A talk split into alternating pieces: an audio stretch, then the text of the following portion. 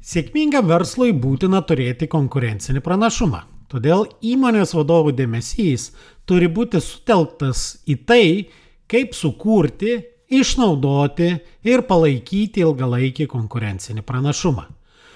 Koksgi gali būti tas konkurencinis pranašumas ir kaip jį sukurti?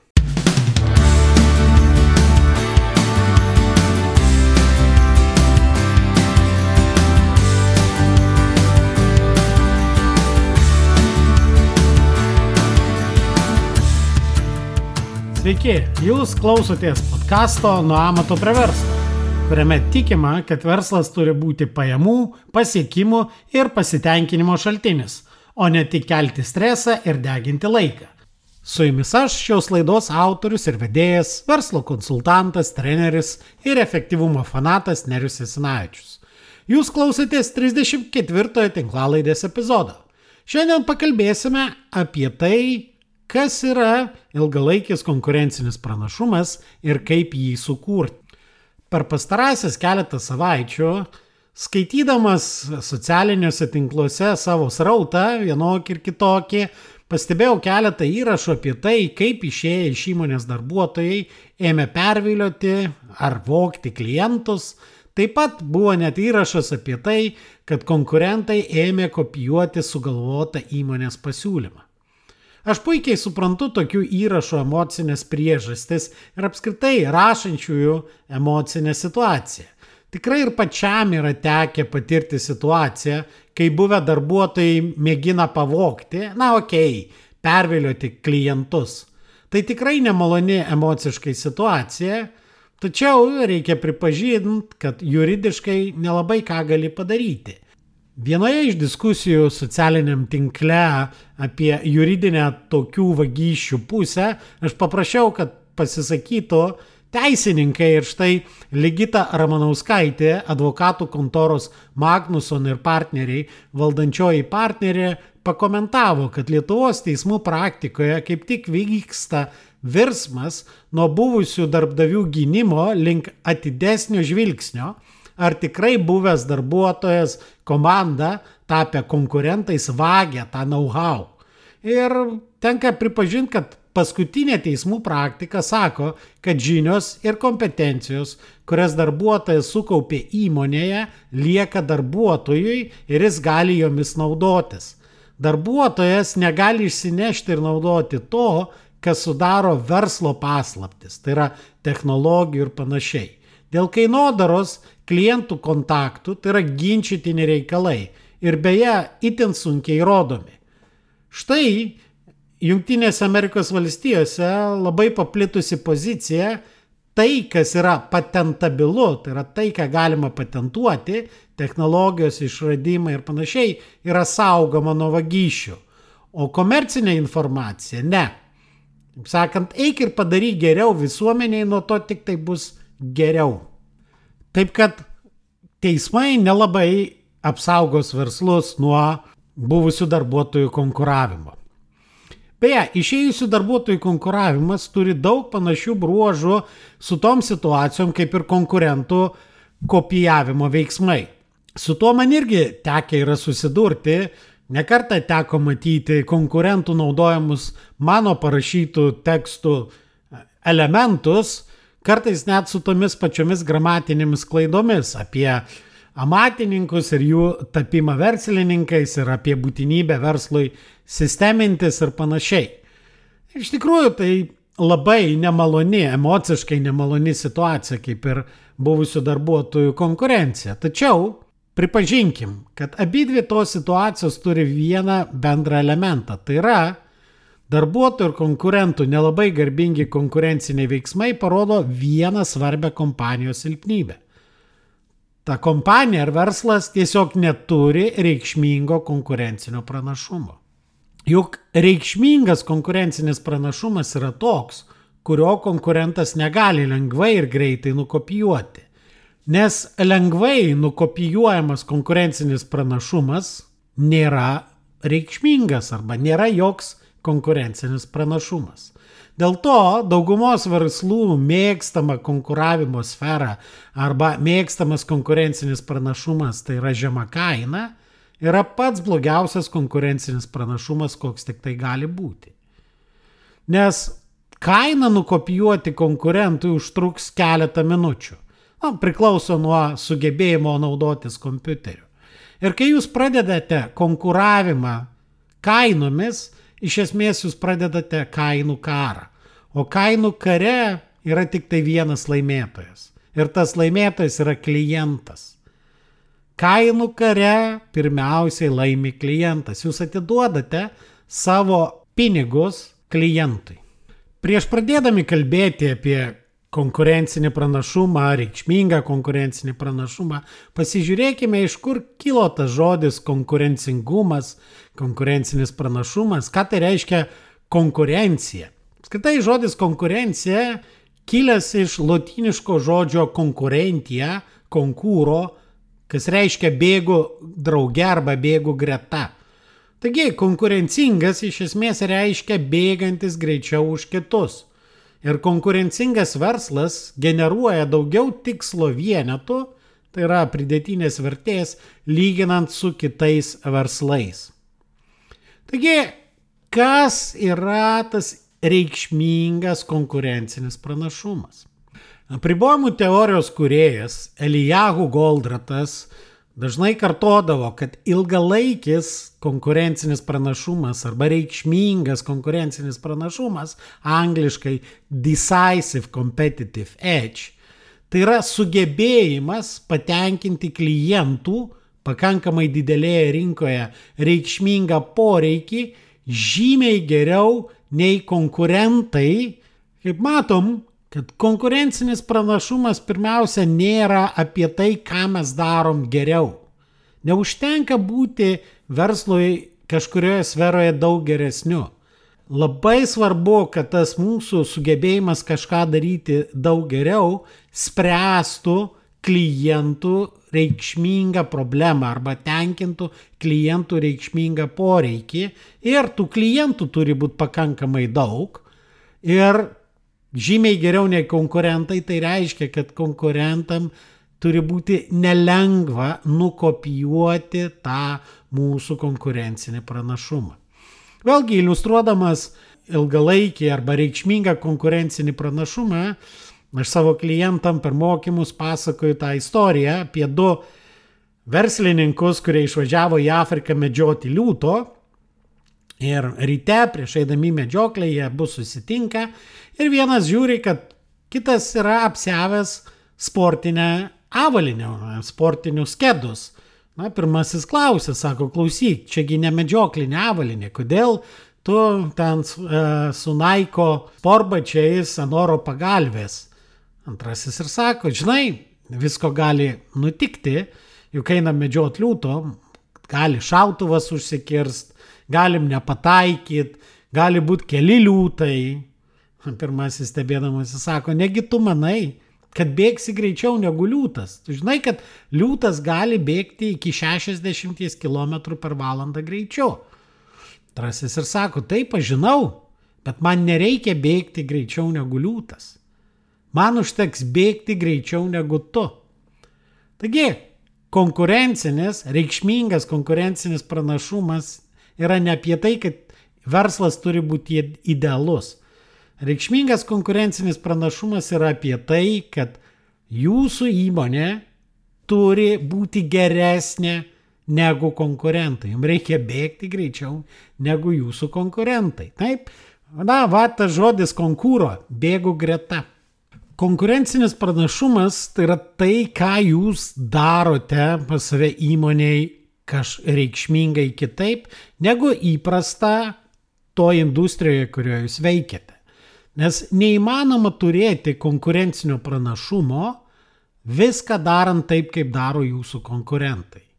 Aišku, konkurencinis pranašumas gali būti įvairus. Tai gali būti jūsų kokie nors daug efektyvesni vidiniai organizaciniai procesai ar gamybiniai procesai.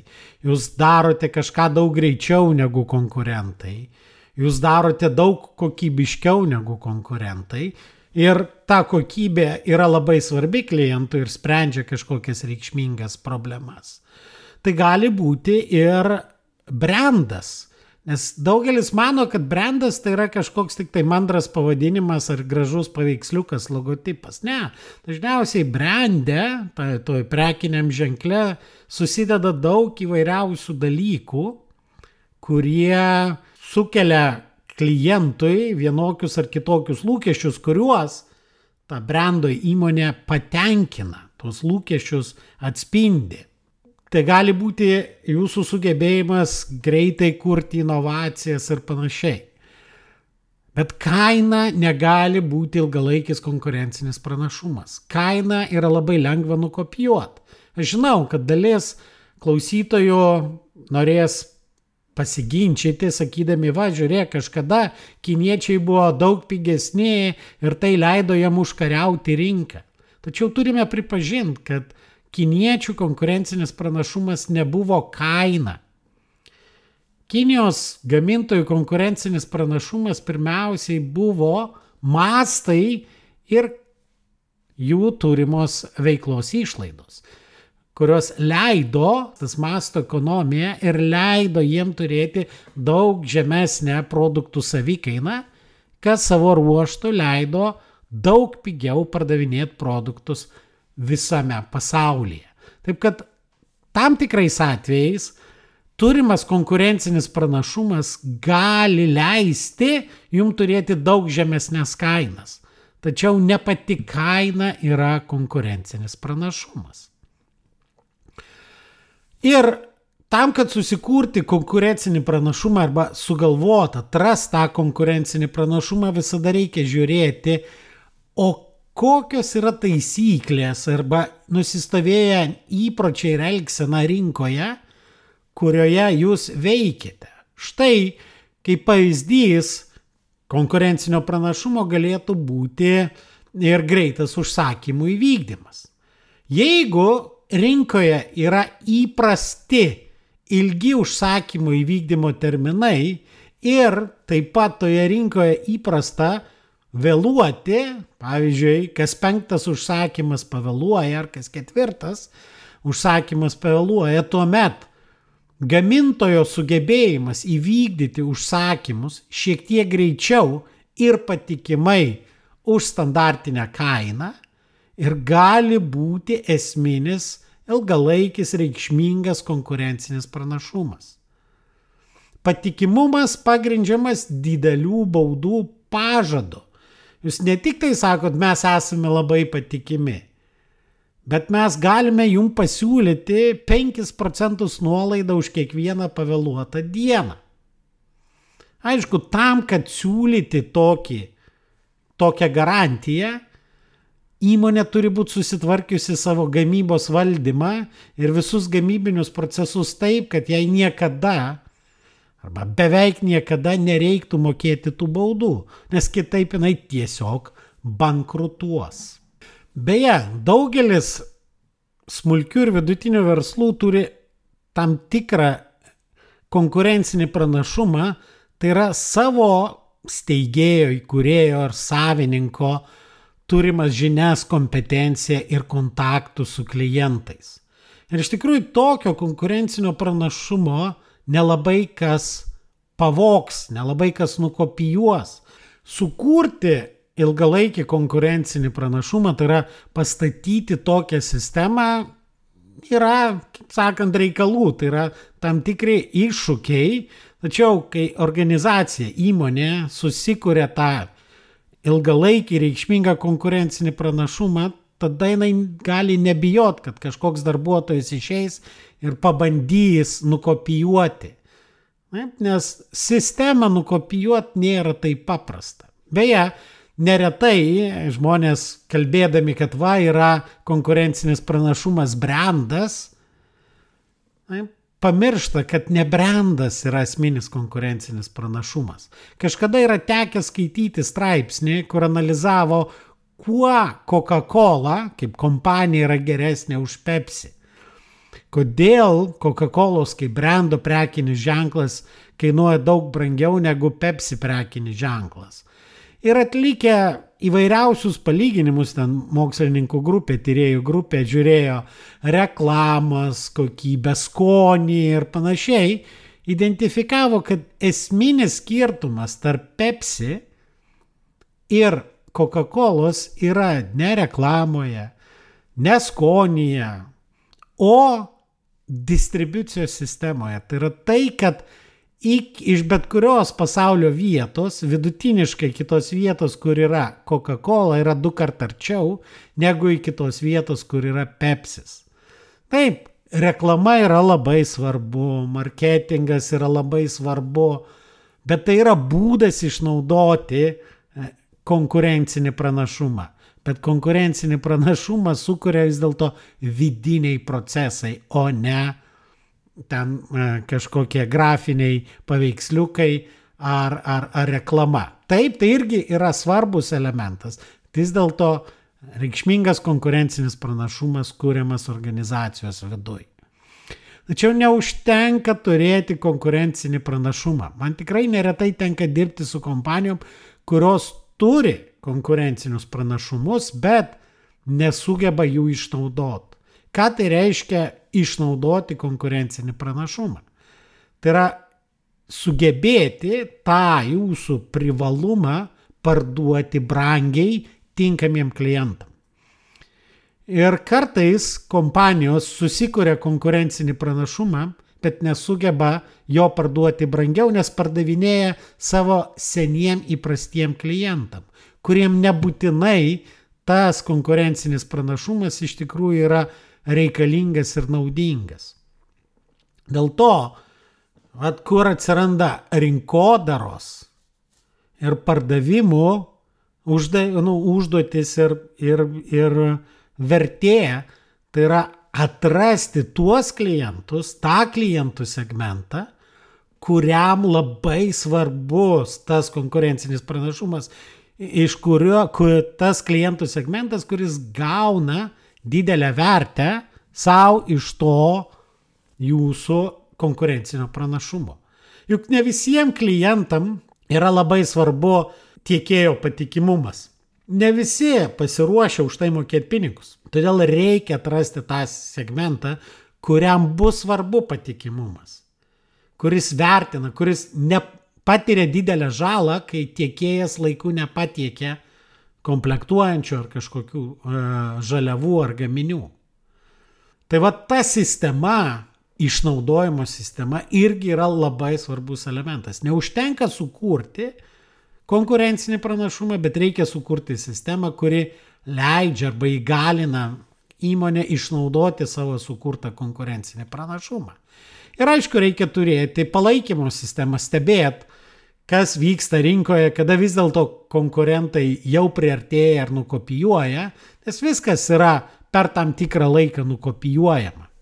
Dėl to reikia stebėti, kaip yra užkrovimai, kiek mes turim laisvų pajėgumų, ką daro konkurentai ir kada reikia padaryti kitą žingsnį ir susikurti naują konkurencinį pranašumą. Štai kodėl aš labai dažnai kartoju, kad po to, kai įmonėje stabilizuojama situacija, iš tikrųjų stabilizavimas tai reiškia užsitikrinam normalius piniginius rautus, kad nebetrūksta įmonėje apivartinių lėšų, tada visas vadovų dėmesys turi būti nukreiptas į tai, kaip sukurti reikšmingą ilgalaikį konkurencinį pranašumą, kaip sukurti sistemą to konkurencinio pranašumo išnaudojimui ir sistemą to pranašumo palaikymui. Kai susikursit įmonės ilgalaikį konkurencinį pranašumą ir sistemą to pranašumo išnaudojimui, jums bus nebaisus nei nesažiningi ar netiški konkurento veiksmai, nei išėjusių darbuotojų bandymai pavokti jūsų klientus. Nes jūsų įmonė turės tą ilgalaikį reikšmingą konkurencinį pranašumą. Jinai bėgs greičiau negu konkurentai ir joks liūtas jums bus nebaisus. Tai ir linkiu susikurti tą ilgalaikį konkurencinį pranašumą. Tai šiandien tiek ir iki kitų susigirdėjimų. Dėkoju, kad klausėtės. Ir nepamirškite užsiprenumeruoti šį podcastą, kad visuomet gautumėte informaciją apie naujausias laidas. Taip pat būsiu labai dėkingas, jei įvertinsite šį podcastą palikdami atsiliepimą savo įprastoje podcastų platformoje.